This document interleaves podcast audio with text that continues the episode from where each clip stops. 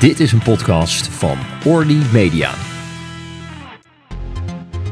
Welkom bij de podcast, de orthopedische podcast waar wij voor jou tot op het bot gaan. Beste luisteraars, welkom bij de eerste aflevering van de orthopedische podcast van de Lage Landen, ook wel de podcast. Mijn naam is Joost Kuipers. En mijn naam is Soufiane Kalai. En met een team van, bestaande uit vijf AIOS, jonge klaren en PhD gaan we het komende seizoen afleveringen maken over diverse orthopedische of orthopedie gerelateerde onderwerpen. In deze eerste podcast zullen we het hebben over de elleboogpathologie met professor Denise Eigendaal. Dr. Eigendaal wordt omschreven als de witte raaf binnen de orthopedie. Ze is opgeleid in Rotterdam en na wereldwijd naam en faam te maken als de elleboogspecialiste, nu weer neergestreken in het mooie Erasmus als eerste vrouwelijke professor binnen de orthopedie. Wereldwijd wordt dokter Eigendaal geroemd om haar kennis omtrent de elleboog en deze kennis deelt ze al jaren als opleidster en begeleider van promovendi en is ze ook actief bestuurslid in meerdere beroepsverenigingen. In 2014 werd Eigendaal in een landelijke verkiezing voor en door medespecialisten uitgeroepen tot toparts. En als boegbeeld voor de vrouwelijke emancipatie binnen de orthopedie heeft ze recent ook nog de Corrie Herman-prijs gewonnen. Ja, we zitten hier vandaag in het mooie Erasmus MC in Rotterdam. En kijken vanuit je kamer ook uit over Rotterdam. En in de verte zien we Delft en eh, Den Haag liggen. Uh, als ik het goed heb begrepen, ben je hier op een uh, goede steenworp afstand geboren in Schiedam. En is, is dan nu de cirkel weer rond? Voelt het als thuiskomen hier in het Erasmus? Hoe, hoe is dat? Ja, zeker. Nou, dank voor de leuke en mooie introductie. Ja, dat voelt zeker als, als thuiskomen. Je, je kunt uh, uh, zeg maar weg te wekken uit 010, maar je haalt uh, 010 nooit uit de persoon. Hè? Dus ja, ik ben ja, geboren en getogen 010er en dat voelt ook weer goed om weer 010 te zijn. Nou, wat, goed om te horen. En ja, het is, het is een lange, lange weg geweest. En um, was dit dan ook een, een, een bewust uh, einddoel? Of is dat iets wat zich vormt gedurende een weg en zich ontvouwt voor je? Ja, een go goede vraag. Uh, we, vragen altijd mensen, wat is je punthorizon voor een jaar en voor over vijf jaar? En langer dan dat kan je volgens mij niet goed vooruitkijken. Ja. Uh, en dat geldt ook voor mijn carrière. Ik had nooit bedacht dat ik dokter wilde worden. En nooit bedacht dat ik orthopede wilde worden. Uh, ook niet bedacht dat ik boven lidmaat chirurg zou worden, dan wel elleboogchirurg. Laat staan dat ik hoogleraar dat zou worden. Dat was zeg maar niet in de scope toen ik hier wonddiep als student. Maar goed, elke vijf jaar maak ik wel um, een duidelijk plan. Dus ik, heb altijd wel punten op de horizon per jaar. Eigenlijk soms ook per week of per dag. Maar zeker ook per vijf jaar. Dus ik denk wel goed na waar ik over vijf jaar staan. En uh, probeer daar wel concreet naartoe te werken. Maar hoe het over tien jaar is, dat weet ik niet. Dat hoef je ook niet te weten. Nee. Niemand heeft een glazen bol. Ja, wat mooi. Ja, dat is wel tof om te horen. Ik ben nu stiekem toch wel zeer benieuwd wat uw volgende punt op de horizon is. Hoe kijkt u eigenlijk naar de toekomst? Ja, ik, ik voel me echt, uh, zeer vereerd met het feit dat ik deze functie mag uitoefenen. En uh, wat je schetst klopt ook. Een ontzettend, uh, ontzettend leuke, een mooie baan, heel, heel divers. Uh, en waar we over vijf jaar staan, ja, dan willen we met de vakgroep, met elkaar, qua onderwijs, research en patiëntenzorg in de top van Nederland en Europa zitten. En daar staan we natuurlijk eigenlijk al, maar die positie wel verder versterken en vervolmaken. Ja, prachtig. En in, in, deze eerste podcast leggen we dan ook gelijk de lat hoog qua spreker, maar ook qua onderwerp. We hebben dit onderwerp bewust gekozen in de hoop de vaak voor de onervaren student of assistent ab, toch abstracte elleboogpathologie weer sexy te maken. Uh, zou je de, ons daarom kunnen meenemen waar je liefde voor de elleboog eigenlijk vandaan komt? Ja, dat is een goede vraag. Ook dat heb je vooral niet op je netvlies. Want hoe kom je nou bij de elleboog uit? Mm -hmm. Uh, dat heeft toch te maken met uh, boegbeelden en rolmodellen. Uh, als AJOS was ik in opleiding inderdaad initieel in de Wogen Rotterdam. Maar heb ik een transitie gemaakt naar Leiden omdat er in Rotterdam even geen plek was academisch. Dus ik ben eigenlijk een hybride opleideling. Rotterdam slash ehm, het Leijenburg ziekenhuis en het LUMC. Uh, en mijn opleider van toen, dat was uh, dokter Souter, dokter Dolf Souter. Die zei op een van de vogelavonden van toen, en dat was in het, in het Hagen ziekenhuis. zei toen, zei altijd, ja, meisje, meisje, meisje. Dat kon toen nog en dat was ook altijd heel respectvol. Ik vond het ook nooit vervelend. wetenschappelijk onderzoek is goed voor je, want dat vergroot wel de kans op de arbeidsmarkt. Ik was inderdaad wel een van de eerste vrouwen in Nederland. En dan denk je, ja, de arbeidsmarkt was toen best wel goed. maar hoe ga je daar dan ook daadwerkelijk tussen komen? Zegt, ga maar wat wetenschap doen.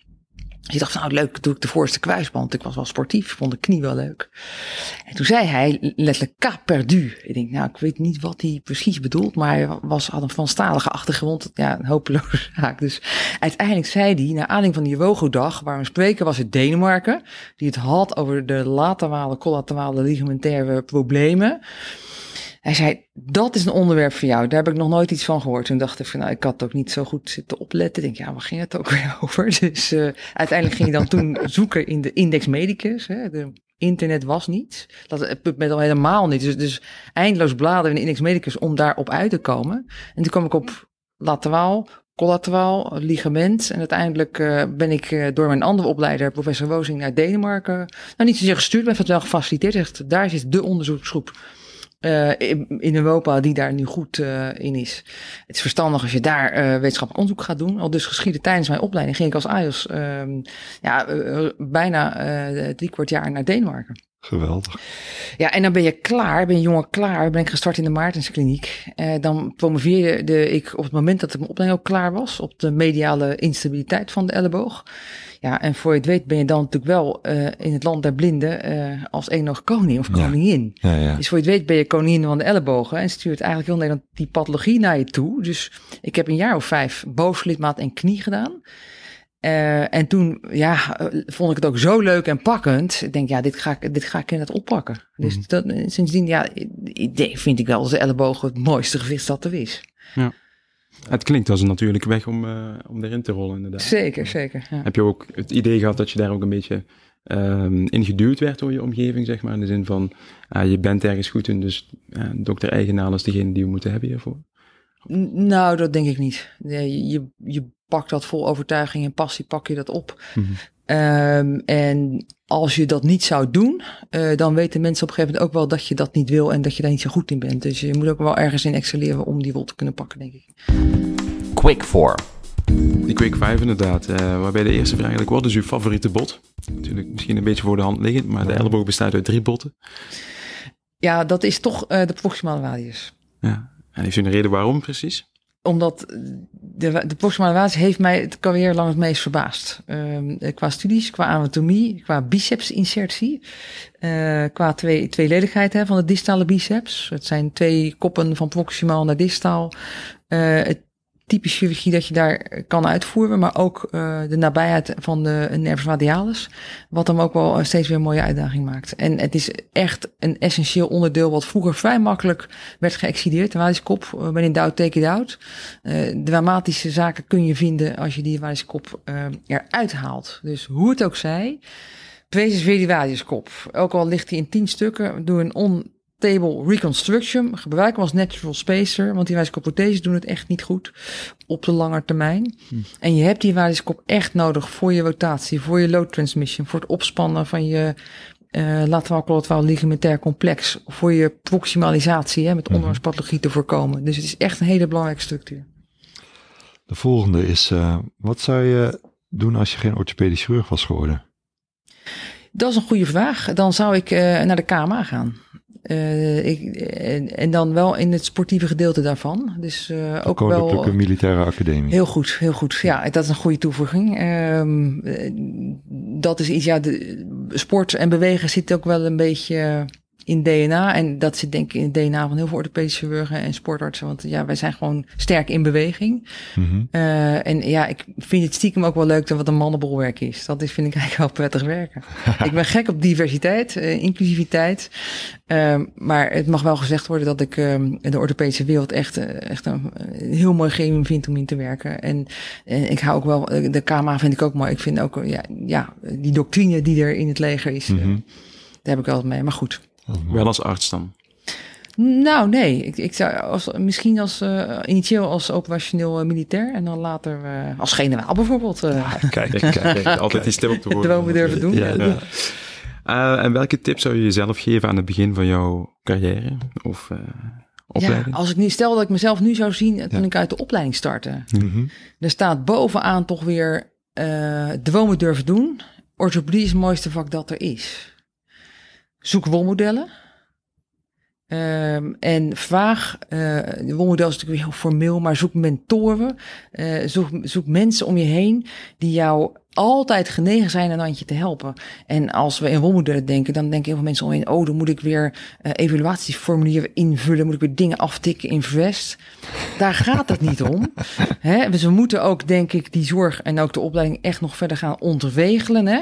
Um, waarbij je gewoon uh, aan uh, collega's met iets meer senioriteit durft te vragen: wil jij mijn buddy zijn? Mm -hmm. En dat heb ik ook nooit gedurfd, maar ik heb er wel een aantal buddies om me heen, die, en dat besef ik me achteraf pas, die mij enorm geholpen hebben in mijn carrière. En gelukkig heb ik die nog steeds. Dat er mensen om me heen zijn die zeggen: hey, ik ga jou even helpen in dit traject. En dat is ontzettend leuk. Doe dat, uh, doe dat eigenlijk ook als AJOS al. Zoek mensen om je heen. En natuurlijk wordt zelf dan buddy ook. Hè. Zorg dat je ja. als laatste AJOS echt je ontfermt over de eerste uh, nulde jaars AJOS. Zorg dat je als, als beginnend ANJOS ontfermt over die co-assistenten. En zorg dat zij ook uh, buddies hebben. Want dat maakt ons vak uh, een stuk aangenamer. Ja, ik ken maar. Wat is de grootste verandering die je hebt gezien in het bedrijf van de orthopedie tijdens je carrière tot, tot op heden? Het bedrijf orthopedie. Ja, het bedrijven uh, van de orthopedie. Dus het, het werk als orthopedisch chirurg. Wat is daarin de grootste verandering? Ja, ik denk. Er zijn een aantal zaken helemaal niet veranderd. Dat is eigenlijk ook wel zorgelijk. Maar de, een van de grootste veranderingen is denk ik wel toch. Dat vind ik eigenlijk het aller, allermooiste. En dat is toch weer gerelateerd aan die opleiding. Uh, wij werden opgeleid uh, met 1 A4. Daar stond een evaluatie. Het was altijd een narratief. Het was een klein stukje tekst. Maar het competentiegewicht opleiden vind ik echt een ontzettende eye-opener. Dat was natuurlijk wel na mijn tijd. Ja. Maar ik denk dat we daarvan echt betere dokters zijn geworden. Dat hebben we nooit kunnen objectiveren. Maar uh, het excelleren in alle competenties, dat gaat natuurlijk niet. Maar er aandacht voor hebben en het benoemen, dat is denk ik essentieel. Je, je, dokter, alle, dokter alleen is niet genoeg. Ja. En dat maakt ons vak echt veel mooier en aantrekkelijker. Ja. Mooi. En als je zou, uh, ja, van welk orthopedisch probleem word je zelfs eigenlijk om drie uur s'nachts, als je gebeld wordt, uh, nog steeds warm? Nou ja, dat zijn echt wel, wel veel problemen. Dat is, uh, ja, dat, daar blijf je ook dokter voor. En, en ik vind ook echt, met hulde dus aan alle AJOS, ik, ik ben nooit onnodig s'nachts gebeld door iets wat ik niet warm voor dweilen. En dat geldt volgens mij bijna voor, voor heel veel medische specialisten. Je, je kunt mensen s'nachts in het weekend altijd bellen voor serieuze zaken. Want daar zijn we ook voor, daar zijn we ook voor bedoeld. Voor zaken waar je niet zo warm voor loopt, zijn natuurlijk de zaken waarvan je denkt van ja, ben ik hier nou de juiste aangewezen persoon voor? Maar er is niet één issue waar je mij altijd voor kan bellen. En je kan mij voor een podcast ook altijd s'nachts wel bellen. Vind ik ook hartstikke leuk. nou, dat gaan we niet doen. Zeker met dat. ja, eigenlijk een beetje een retorische vraag dan de Denise. Maar is de elleboog dan nu een ondergewaardeerd gewricht voor orthopeden? En zo ja, hoe, hoe komt dat? Als het al zo is. Nou, dat is een goede vraag. Ik, ik denk van oudsher dat de orthopedie uh, als speerpunten toch ja, wervelkolom, uh, heup en knie had. En de, de hele perifere ledematen zijn daar eigenlijk pas later in mijn beleving aan toegevoegd. En dat kan je ook wel mooi terugzien op PubMed. Hè? Als je uh, bijvoorbeeld kijkt op, zoektermen schouder, elleboog, arthroplastie, dan zie je dat het aantal papers afgelopen twintig jaar daar sterk in toegenomen is. Geldt overigens ook bijvoorbeeld voor het enkelgewicht. Um, dus is het een niche? Uh, dat denk ik onderwand niet meer. Uh, het is wel een onderdeel waar je specifiek in moet bekwamen. En ik vind het eigenlijk best jammer dat in de vijf verplichte EPA's van ons huidige opleidingsstelsel um, de elleboog eigenlijk niet wordt meegenomen. Zo ook niet de, de schouder en, en de enkel. Hè? Dus je kunt daar natuurlijk voor kiezen. Maar ik vind eigenlijk dat dat wel thuis hoort in het curriculum van alle AIOS-orthopedie. Hm. Ja. Is het daarom ook eigenlijk ook eerder onbekend is onbekend, onbemind? Of, uh... Misschien wel, misschien wel. En uh, uh, ik vind ook wel, als je de EPA-traumatologie doet, ja, dan moet je je ook wel verdiepen in die mm -hmm. elleboog. Hè? Dus daar, ligt, daar ligt nog ook wel wat werk, ook voor mezelf en mijn mooie team, om dat verder op de kaart te zetten qua educatie. Ja. en hoe groot is dat probleem nu eigenlijk van de elleboog? Pathologie in de Nederlandse populatie? Hoe vaak worden daarmee geconfronteerd? Ja, dat is, dat is maar net wat je uh, onder pathologie uh, uh, schuift. Hè? Als je bijvoorbeeld kijkt naar de fracturen, dan is de incidentie daarvan best wel beperkt. En denken wij, nou, als kopfracturen komt heel erg voor vol. Nou, dat valt ook eigenlijk qua incidentieweuze mee. Zo ook de elleboogluxaties, weet je, 1 op 100.000 per jaar. Het zijn niet die hele grote aantallen. Ehm, maar als we bijvoorbeeld kijken naar tennis-elleboog, tendinopathieën, dat is wel een, een, een, een, nou, dat is wel een stevige issue die, als je het hebt over bijvoorbeeld workability, uh, grote impact hebben. Mm. Uh, en daar zijn wij natuurlijk als orthopeden mogelijk wat minder in geïnteresseerd. Terwijl het van maatschappelijk uh, echt best ja, een groot belang heeft. Ja.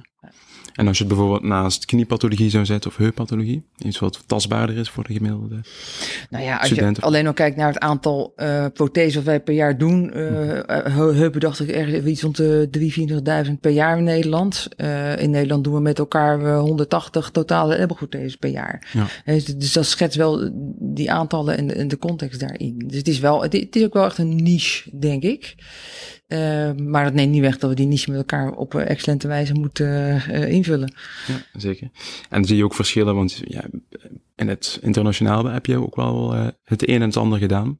Zie je verschillen binnen de Nederlandse populatie vergeleken met um, andere landen waar je geweest bent? Nou, die, die pathologie is wereldwijd eigenlijk voor een groot deel hetzelfde. Mm -hmm. Alleen de manier waarop die pathologie wordt behandeld, die wisselt. Um, en dat is eigenlijk wel, wel bijzonder, want ik denk echt dat de behandeling van orthopedische pathologie van de elleboog thuis wordt bij een expert. En dan verwacht ik, ja, wat is dan een expert? Uh, en van huis uit uh, is binnen Nederland, maar ook daarbuiten, de elleboog gekoppeld aan de schouder. He, je hebt de, de Europese schouder-elleboogvereniging, mm -hmm. de Nederlandse schouder-elleboogwerkgroep. Um, functioneel gezien hoort die natuurlijk bij de onderarm en de pols. En dus daar begint het al mee. Hè? Dus, dus wie doet wat? Mm -hmm. En zelf sta ik daar eigenlijk heel liberaal in. Als je een hele goede polshandzuur hebt zegt, ik vind die onderarm en de elleboog interessant, dan zou je dat er wel ook bij moeten gaan doen. Maar moeten wij binnen de orthopedie ook echt wel duidelijk maken, de elleboog hoort bij die onderarm. En zouden we ook qua onderwijs en ook certificering in die uh, combinatie moeten gaan. Speelt, speelt sport met bekendheid van de elleboog een rol? Dat is eigenlijk de vraag. Uh, wetenschappelijk zeker. Als je ziet waar de, de meeste papers de afgelopen twintig jaar vandaan zijn gekomen voor de elleboog, is dat wel vanuit de sportgerelateerde pathologie, met name uit Amerika, uh, met kort daaronder uit bijvoorbeeld Japan. Um, en is het in Nederland niet zo dat wij geen sportgerelateerde aandoeningen zien, alleen mm -hmm. het belang ervan is ook wat minder groot. Ja, in Amerika ja. is, als jij, als jij natuurlijk um, uh, talent hebt als pitcher van 12, dan betekent dat als jij goed kan pitchen uh, en blessurevrij die sportcarrière doorkomt, dat je ook een grant krijgt voor de universiteit.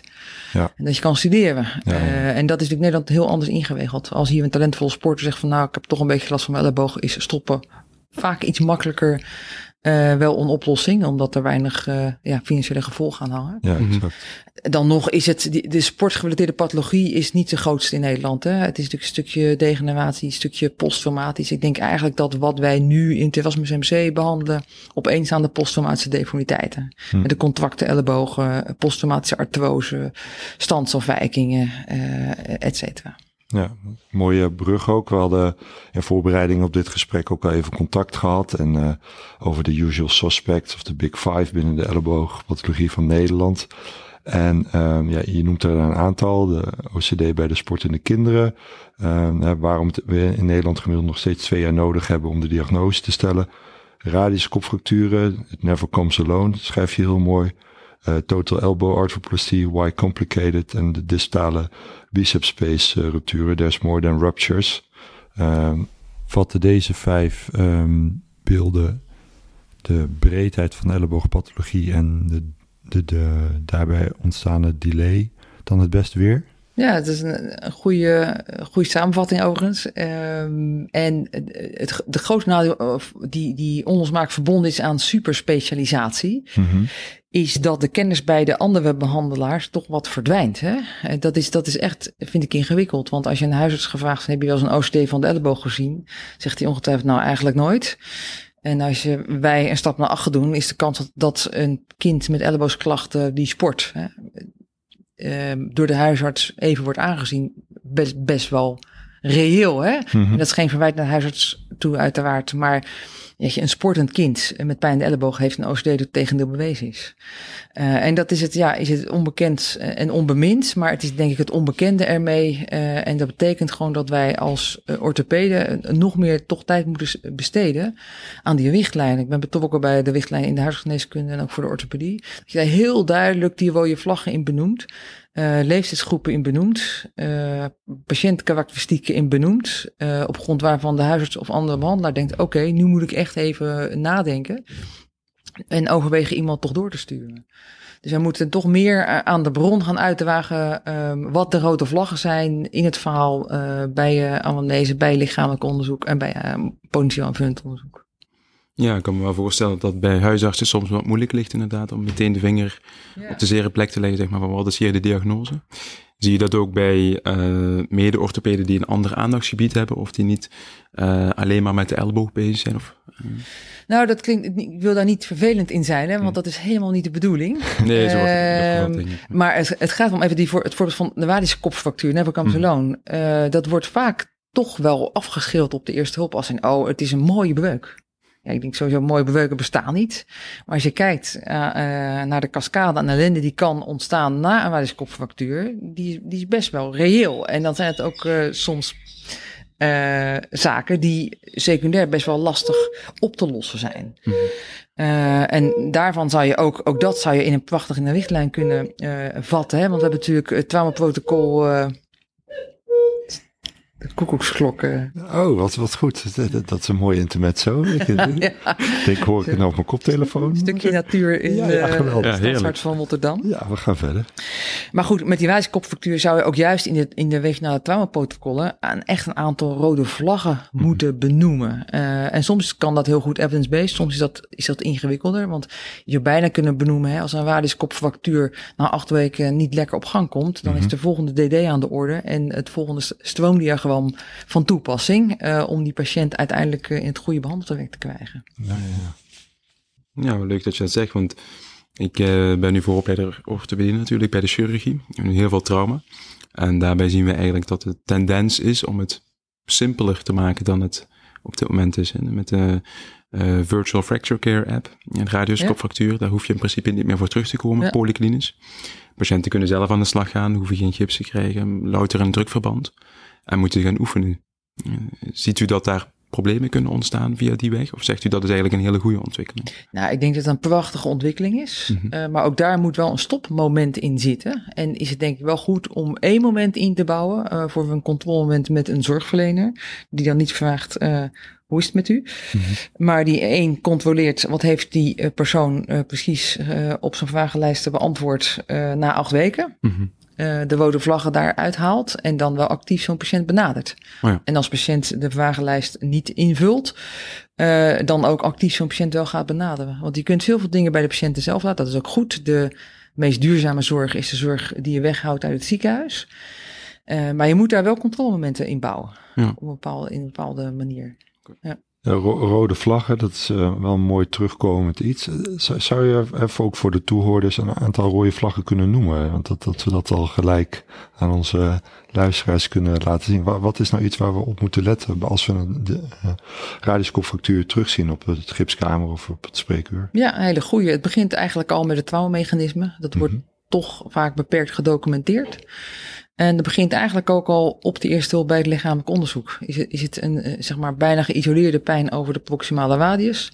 Is het een fors gezwollen onderarm? Is het een fors gezwollen polspijnklacht in de pols? Mm -hmm. Is dat aanwijzing voor zeg maar insufficiëntie van de central band van de interosseous membrane, die eigenlijk altijd wel in meer of mindere mate geruptueerd is. Zie je in de acute fase een hematoom mediaal zitten, dan weet je eigenlijk dat de mediaal quadraal ligamentair letsel is. Um, en heb je geen rotational impairment, los van natuurlijk een stukje beperking door de, uh, de geïnitieerde pijnklachten. Ja. Uh, dat, dat is belangrijk. En als je, dat is op de eerste, uh, eerste wording al eigenlijk um, belangrijk van, is, is dit een relatief eenvoudig letsel of is er meer kapot dan alleen die, die wadiskop. En bij de assessment na een week, nou, volgens de app, volgens mij zit die er niet in. Hè? Dan is het gewoon drukverband of zelfs niks om. En uh, zou ik dat soort ellebogen in ieder geval initieel wel willen terugbestellen. Want dat is ook het lastige van heel veel um, systematic reviews en, en, en uh, evidence-based gebaseerde apps. Mm -hmm. Is dat pathologie wel op uh, over een kam geschoren wordt. Hè? Er is niet één type wadiskopfractuur. Want ook bij bijvoorbeeld een Mason 2 letsel, die nauwelijks gedisloceerd is, maar wel een rotational impairment heeft, die gaat namelijk nooit draaien. Die houdt altijd een rotatiebeperking. Als er een mechanisch blokkade is, dan zal die er altijd zijn. Dus dat zijn dan van die kleine aanwijzingen om te zeggen, oké, dit gaat niet helemaal goed. En als je een patiënt uh, met zo'n rode vlag bij het initiële bezoek een week later terugziet en je denkt, hmm, die pols is pijnlijk, uh, het misschien niet helemaal stabiel. Ik merk toch een forse rotatiebeperking. Is dat echt indicatie voor aanvullend onderzoek? Uh, x pols bijzijds, x onderarm. en op indicatie ook MRI-scan van elleboog en onderarm of echografisch onderzoek als daar expertise in is. En daarmee zeg ik niet dat al die patiënten aanvullend onderzoek moeten krijgen hoor. Mm -hmm. Maar het begint toch wel met de intake op de eerste hulp. Nou ja, goed dat u dat zegt. En een bekende pitval dus is het Ja. onderschatten van uh, Ja. en, en, en niet differentiëren van een radiuskopfractuur, als ik u uh, zo hoor. En we zien na trauma ook vaak heel veel stijfheid. Uh, stijfheid lijkt me denk ik een lastig begrip. Wanneer is dat dan een alarmsignaal? Ja, dat is, dat, dat, de vraag is ook altijd, wat is stijfheid? Hè? En om nog even toch nog terug te komen op die wijskopfactuur, want waar, ja, waar leg je dan op? Kan je dat een beetje uh, categoriseren? Mhm. Mm -hmm. Je zoekt dus stelselmatig naar uh, aanvullende letsels. En dat wil zeggen, laterale band, mediale band, capitellum, interosseus membrane, teruggewicht. Als je die stappen steeds meeneemt, dan heb je iets minder kans dat je allerlei associated injuries uh, over het uh, hoofd ziet. En eigenlijk vind ik ook dat je in standaard amnese zou dat gewoon uh, een vorm moeten zijn wat standaard ingevuld wordt.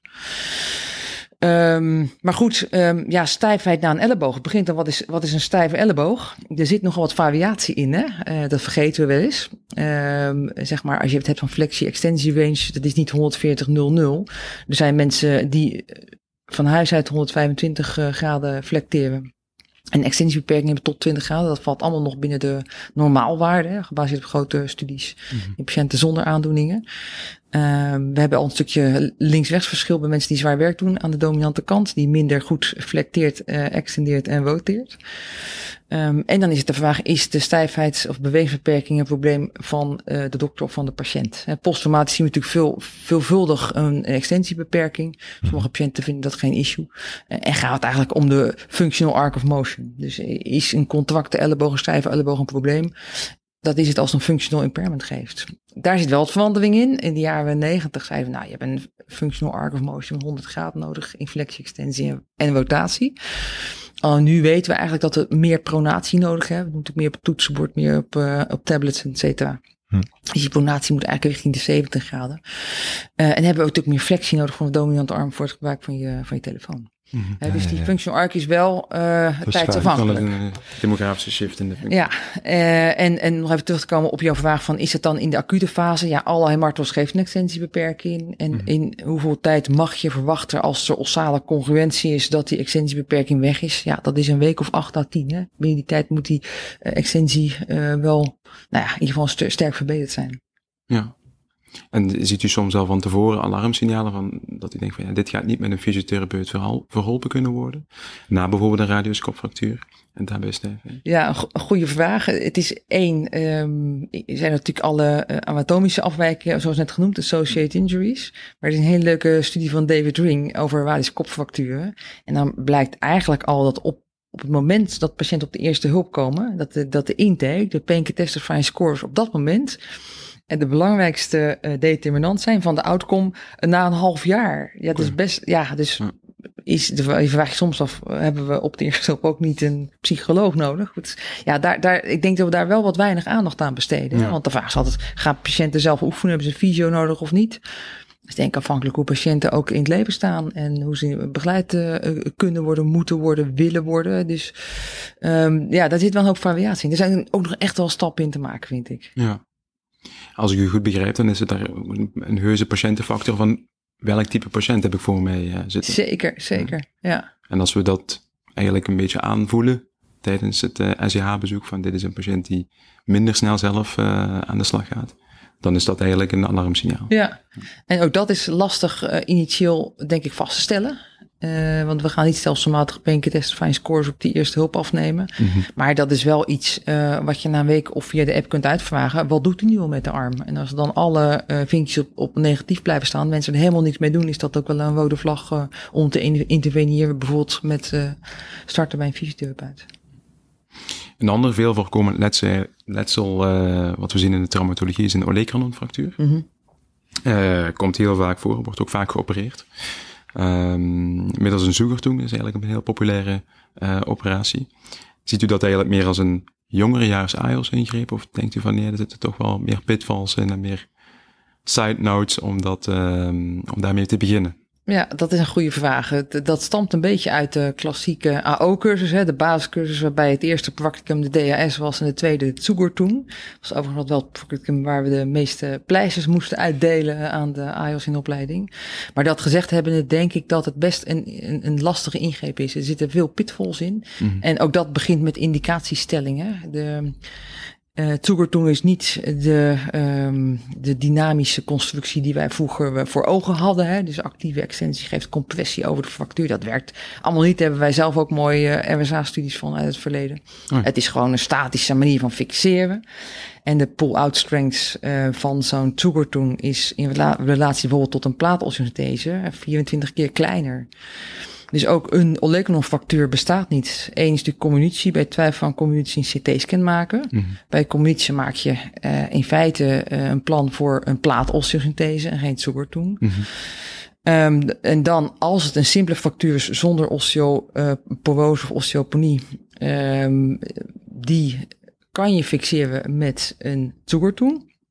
Maar mits correct uitgevoerd. En dan is het de vraag, ja, ga je dat met twee kaden doen? Doe je één intermediaire schroef? Uh, doe je de figure of eight uh, met behulp van uh, de klassieke getwijnde metaaldraden? Of doe je dat bijvoorbeeld met een, een, een, type hechting die dat aan kan? Hè? Dus ook, ook daar zijn, is voldoende evidence voor dat dat prima met een intermediaire schroef kan. Mm. en een figure of eight met een zware hechting die semi-oplosbaar is.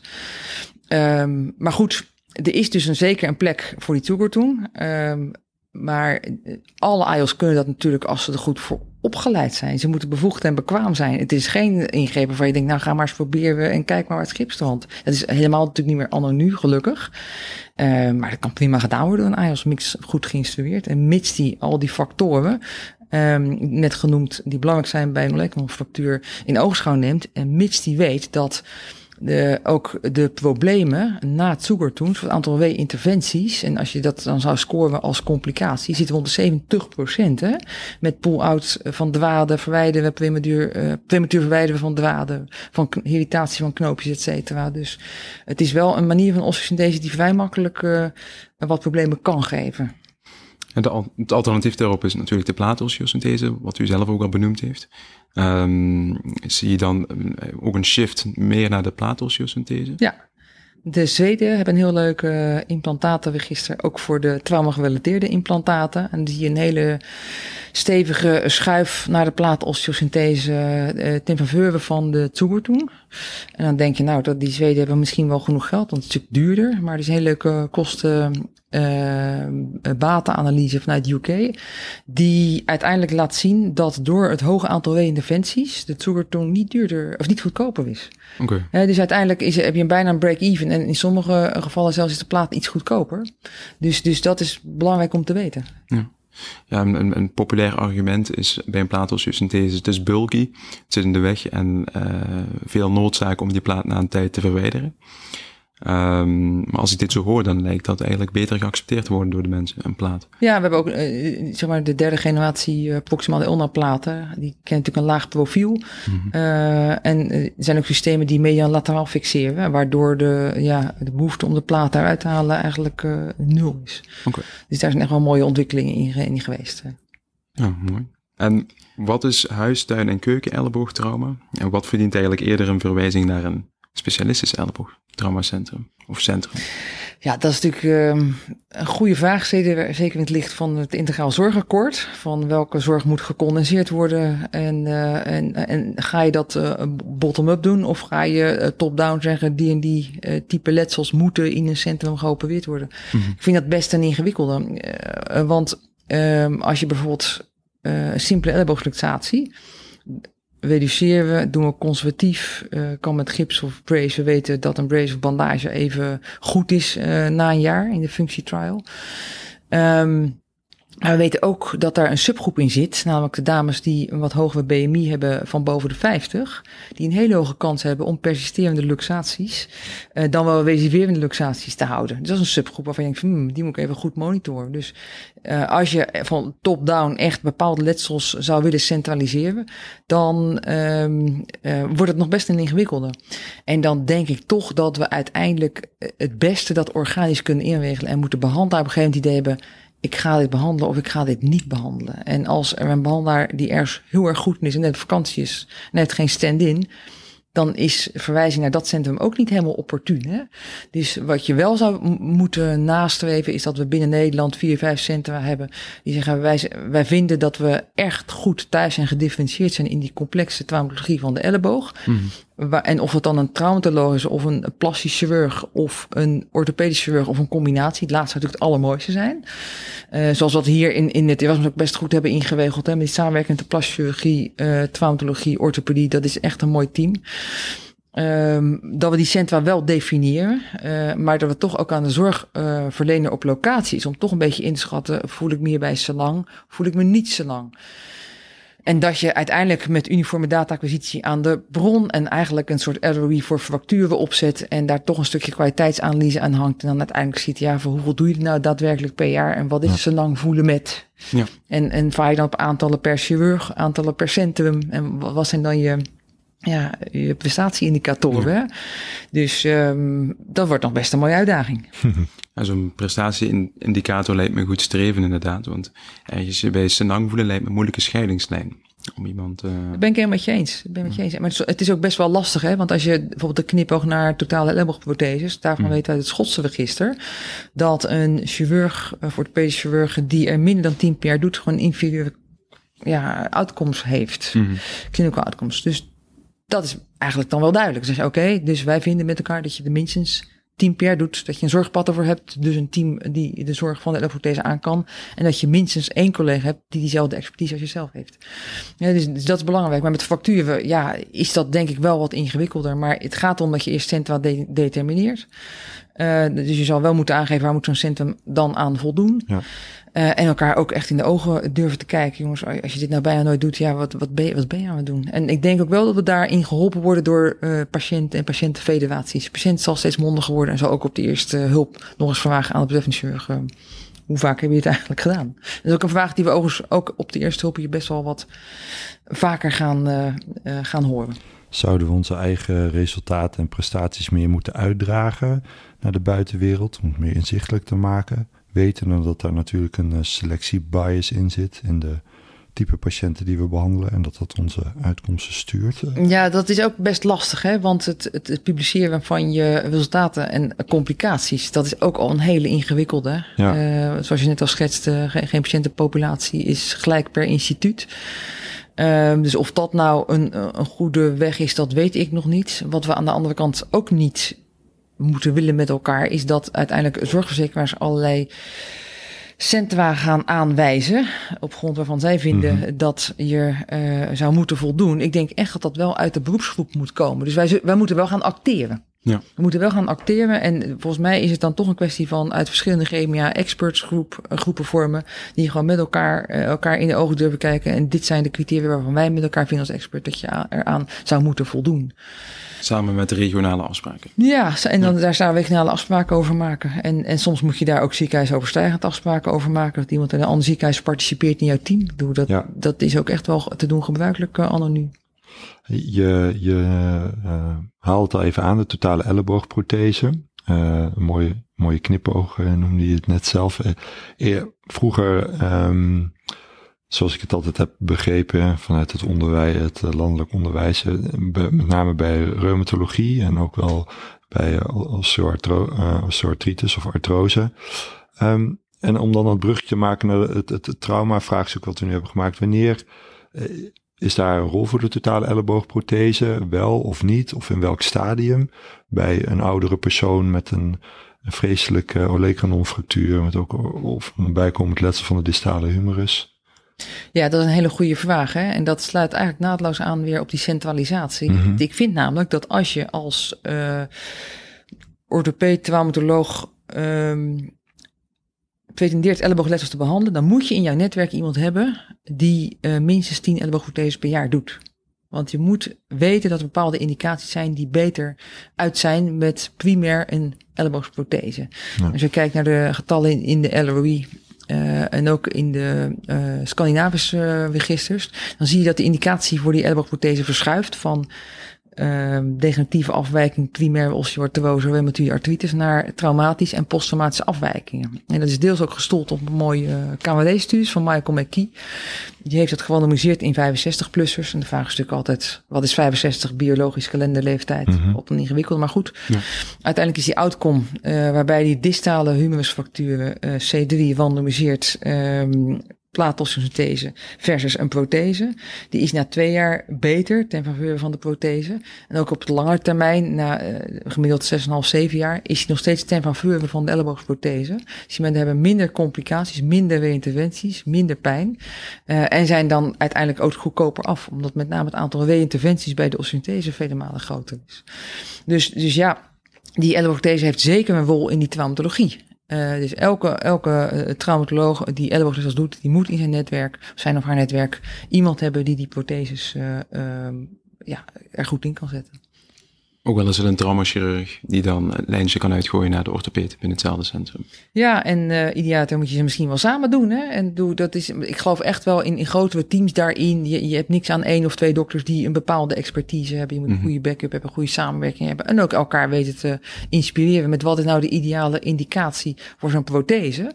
Uh, want mijn moeder is bijvoorbeeld 92 en die tennis stopt aan 85 ja, een prothese en tennis is niet helemaal uh, te rijmen. Dus die was misschien wel uh, beter afgeweest met toch een osteosynthese bij een nare uh, C3-factuur. Dus ja, ja. het is ook weer de, de patiënt daar wel op aankijken. Mm. Dus, dus de kracht die, die verschuift, de kracht van de totale elleboogprothese, die verschuift wat. eigenlijk de indicatiestelling verschuift meer richting de, dat we het meer gaan plaatsen in, een, in, in, de, in de acute traumasetting. Of is het met name posttraumatisch? En wat is dan de juiste timing om dat, om dat te doen? Ja, een goede vraag. Uh, het is zowel traumatisch als posttraumatisch. Mm -hmm.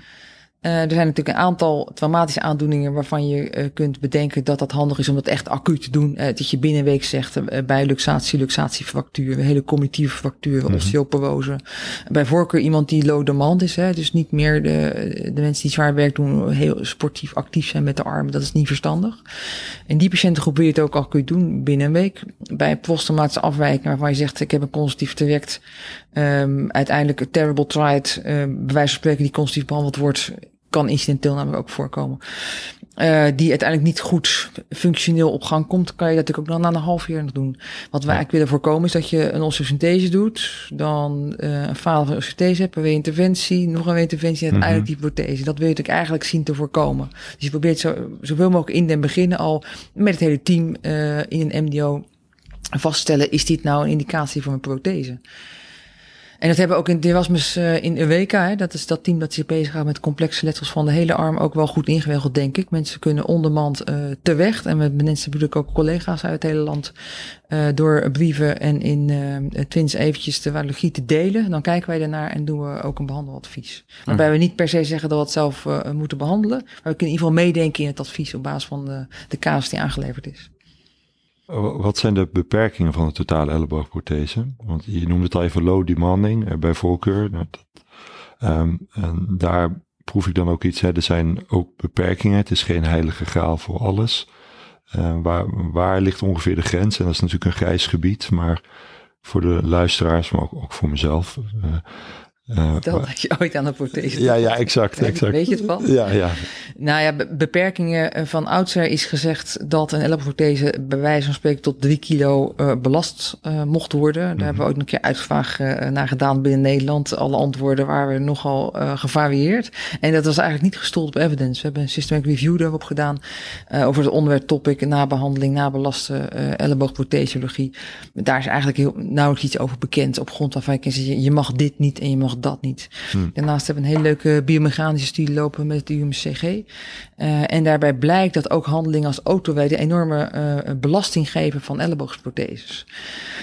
Dus Anne, nu zeg ik tegen mensen van nou, doe er maar zoveel mogelijk mee, maar uh, voorkom repetitieve handelingen. Ga er niet mee tennissen, ga er niet mee beeld houden. Maar als je één keer per week de kliko moet buitenzetten met twee handen als alleenstaande, is dat natuurlijk essentieel uh, in je bestaan. Ja. Dus, dus daar gaan we dan ook uh, geen verbod op geven.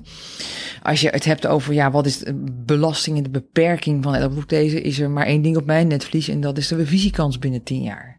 En waarom zijn we doen we allemaal zo ingewikkeld en uh, zijn we eigenlijk liever over heupen en knieën? Dat is omdat die tien jaar uh, overleving van die implantaten vele malen beter is. En ja. we dat zeg maar tot tien jaar tot nou, soms 85% zien wegzakken. En is ook de initiële complicatiekans veel groter. Dus de kans op ulnarisproblemen, uh, infecties, uh, vervroegde loslating. Um, ja, het is allemaal zaken waar je nou niet nog heel blij van wordt. Uh, hmm. de, de, de, die doorontwikkeling van die prothese heeft ook echt nog wel stappen te maken. Oké. Okay. Hmm. Ja, en als we kijken, je hebt de brugje al even gemaakt naar heupen en knieën inderdaad. Daarbij weten we vooral bij heupen eigenlijk dat het heel goed geaccepteerd wordt uh, door de mens. Uh, biomechanisch komt dat eigenlijk goed overeen met wat we normaal zijn. Mm. Hoe zit het dan met elleboogprotheses? Zie je daar een, uh, een verschil in? Wordt dat moeilijk geaccepteerd? geaccepteerd door, door het natieve gewicht? Of, of? Ja, door de patiënt, zeg maar. Voelt hij dat het niet van zichzelf is? Ja, dat is een. Um, dat, dat denk ik wel. Um, goed, ik heb er gelukkig geen ervaring mee. Maar het begint al met het feit dat die elleboog uh, in extensie van valgus uh, naar flexie in varus gaat. Hè? Dus in extensie heb je het nodig om tassen te dragen, emmers water te dragen. En in flexie wil je uh, een kopje koffie kunnen drinken. En dat is al heel lastig om dat te implementeren in een prothese. Uh, en daarnaast is het zo dat het, als je het hebt over low transmission in een natieve elleboog, is dat tot 70% aan de radiohumerale zijde. Um, dat is natuurlijk afhankelijk dus ook van die maten van flexie uh, en extensie. Het meeste doen wij eigenlijk in, in bijna eindextensie, gaat of uh, 25 graden flexie. Um, en daarmee is de meeste load transmission over lateraal. Uh, als je kijkt naar de designs van elleboogprotheses, wordt bij een aantal van die protheses de hele radiaire kolom niet vervangen. Hè? Ja. Dus dan zit er één scharnier, uh, wel, uh, die soms een beetje gelateraliseerd is, om dan die loodtransmissies enigszins op te vangen. Maar er zijn ook wel uh, types op de markt uh, sinds een jaar of tien waar beide componenten worden vervangen. En we best wel weer de grootste mogelijke moeite hebben om met name die radiaire component goed te fixeren. Hmm. Dus dan vervang je alle drie de onderdelen, radius, ulna en humerus. En blijkt dus dat die radiaire component het makkelijkst dissocieert en het makkelijkst loslaat. En dus dat, dat, dat zijn wel grote uitdagingen. En denk ik dat een patiënt die uh, langzaam maar zeker uh, artrose heeft, posttraumatische artrose of inflammatoire artropathie, die zal blij zijn met de elleboogprothese. Ik ben misschien nu wat negatief, maar de, de, als je kijkt naar de promste Oxford elbow scores, die zijn hartstikke goed in het algemeen naar de patiënten nou, ja. -hmm. Dat is wel iets anders bij die mensen die een trauma hebben gehad. Want die komen van een goed natief gewicht hm. in een prothese. Ja, ja, Die, die beweeglijkheid is iets minder goed, de stabiliteit is minder goed. Dan zijn er toch wat beperkingen, hè, zoals net benoemd. Dus ja, daar, dat, dat, is, dat moet je wel goed bespreken. Je wil goed aan verwachtingsmanagement doen op de eerste hulp. Of bij voorkeur in een consult wat daar kort op volgt. Ja. Um, je hebt het ook al even benoemd, hè? Uh, eh, OCD-haarden bijvoorbeeld, maar met name eigenlijk elleboogpathologie bij atleten en kinderen. Uh, we worden als eerste eigenlijk even kijken naar de OCD-haarden binnen de elleboogpathologie. Ja, hoe treden ze eigenlijk op? Wat zei ik Hoe treden ze eigenlijk op? Ja, goede vraag. Um, die ziet op een stukje nomenclatuur. Wat is een osteochondritis dissecans? Wat is een osteochondraal defect? Uh, en wat is de ziekte van Panner? Uh, de ziekte van Panner is geen OCD. Dat is belangrijk om te weten. Meneer Panner beschreef aan het begin van de 19e eeuw een afwijking die het hele capitellum betrof. Het is eigenlijk een soort doorbloedingsstoornis van het hele capitellum. Wat benign is, niet sportgerelateerd uh, en ontzettend zeldzaam is. Wij zien er, terwijl we heel veel ellebogen per jaar zien, het team één per jaar max osteochondraal defecten zien we posttraumatisch. Die zitten overal in de elleboog. Valpartij, hemartos, uh, pijn. Uh, en dan heb je vaak aanvullend onderzoek nodig om dat vast te stellen. Incidentie is laag. Um, osteochondritis dissecans zien we eigenlijk altijd tussen de 11 en de 16 jaar ontstaan. Altijd in een bepaalde uh, groeifase en altijd sportgerelateerd. Um, dus dat is best wel bijzonder. OCD's zonder sport zien we eigenlijk niet. Dus dat betekent al meteen weer uh, de rode vlaggen in die anamnese. Als je een, een, een kind hebt dat niet volgroeid is, dat de klassieke sporten die daaraan verbonden zijn, is natuurlijk de uh, turnen. De gymnast wrist, gymnast elbow. De tennissers in Nederland. Uh, dan heb je de, de pitchers, maar dat is in Nederland niet zo groot als bijvoorbeeld in Amerika en Japan. Natuurlijk judoka's, volleyballers en de speerwerpers. Maar de turnsters staan op één. Dus een turnster met hm. elleboosklachten heeft een OCD tot het tegendeel bewezen. En dan ook vaak bilateraal. Het heeft ook te maken dus met één, die belasting, twee, groeifase en drie, ook de hele pervecare vascularisatie.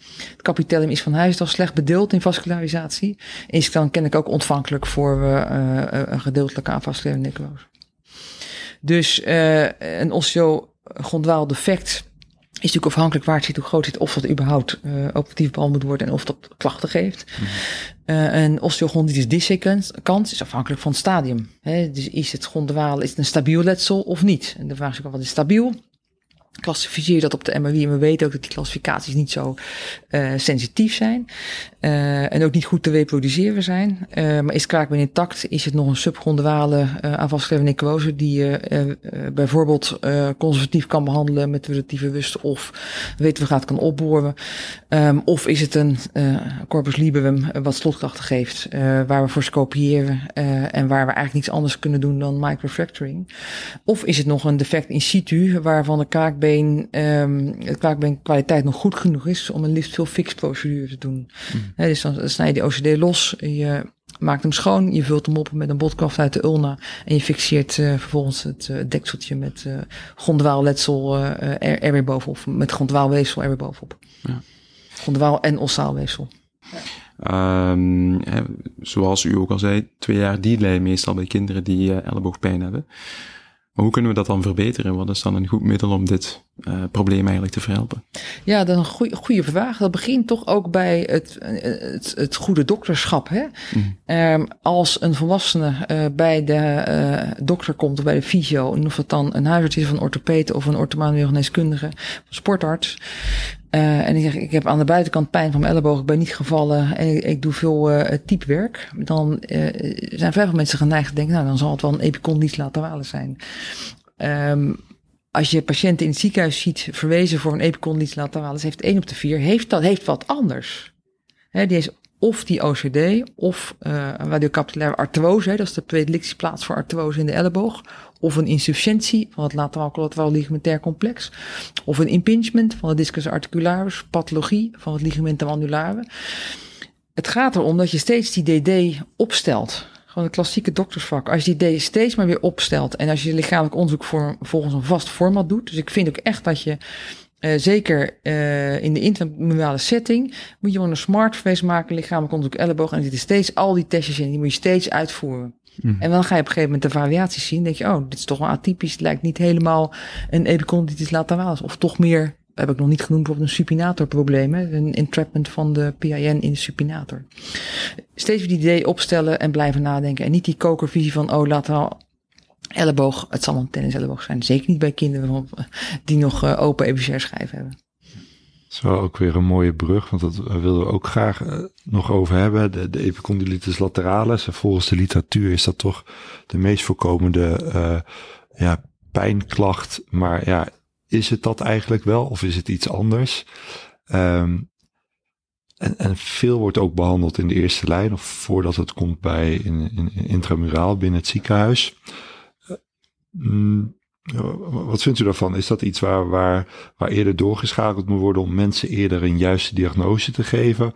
Of is het, ja, klinkt een beetje negatief, pappen en nat houden, want een hoop wordt vanzelf ook wel weer beter, ook een goede. En wanneer hoort dan zo, zoiets toch bij de orthopeed? Ja, dat is een hele goede vraag. Daarin worden wij wel gestuurd door de, de guidelines. Hè, met name bijvoorbeeld het NAG-standaard. Bij de het dan standaarden. Mm Die stond uit 2009.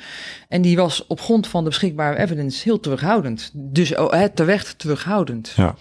Maar bedenk wel dat de meeste RCT's uh, van de tenniselleboog zijn gestoeld op primaire uitkomstmaten na een jaar. Uh, waarbij pijn de primaire uitkomstmaat is dan wel een dash. Dan, uh, dus, dus tastbare scores.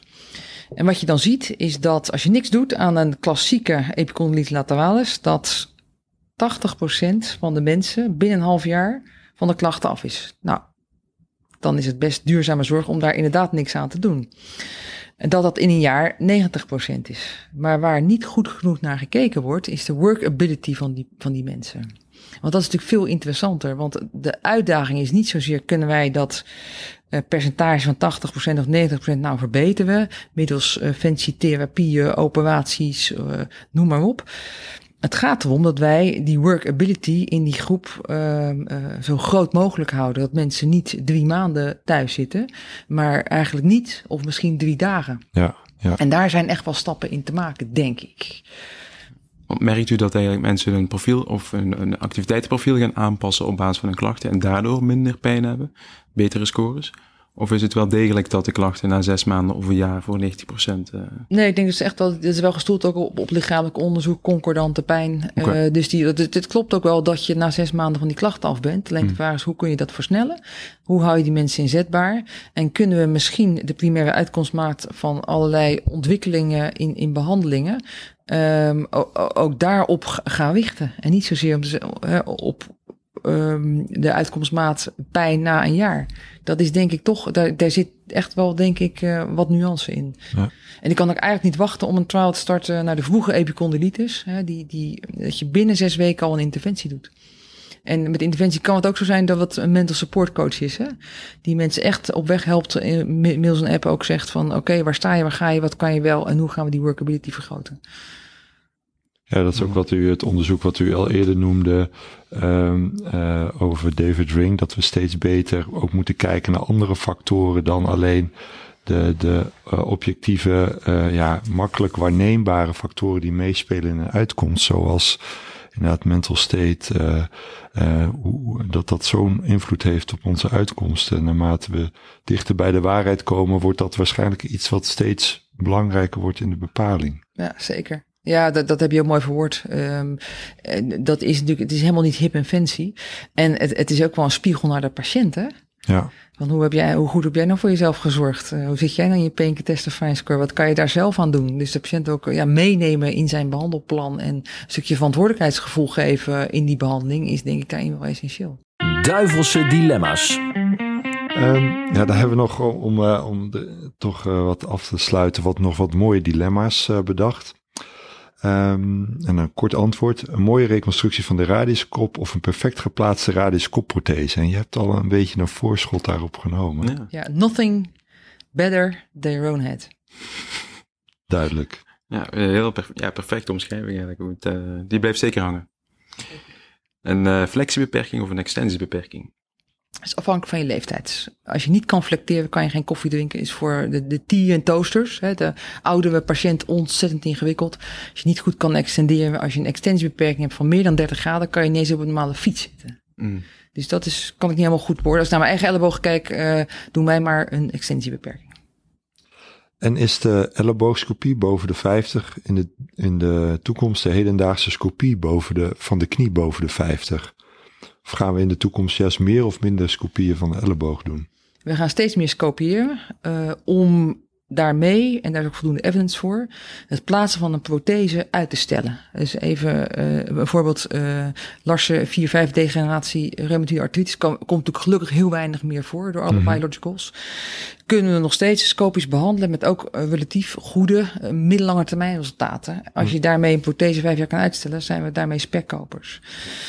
Als je een, een, een wij, natuurlijk een om, het is het bovenslidmaat is natuurlijk een hele andere degeneratie dan het onderslidmaat, onbelast gewricht.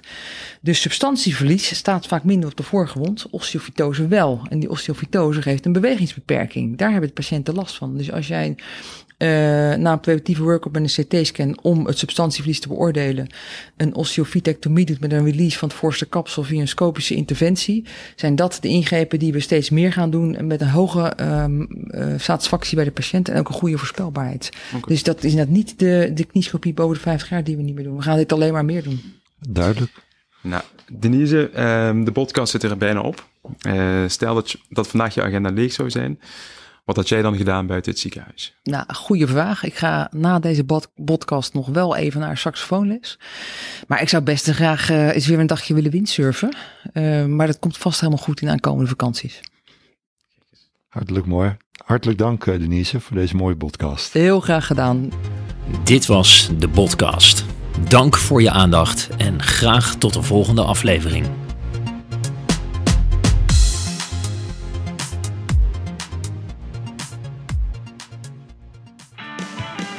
Dit is een podcast van Orly Media.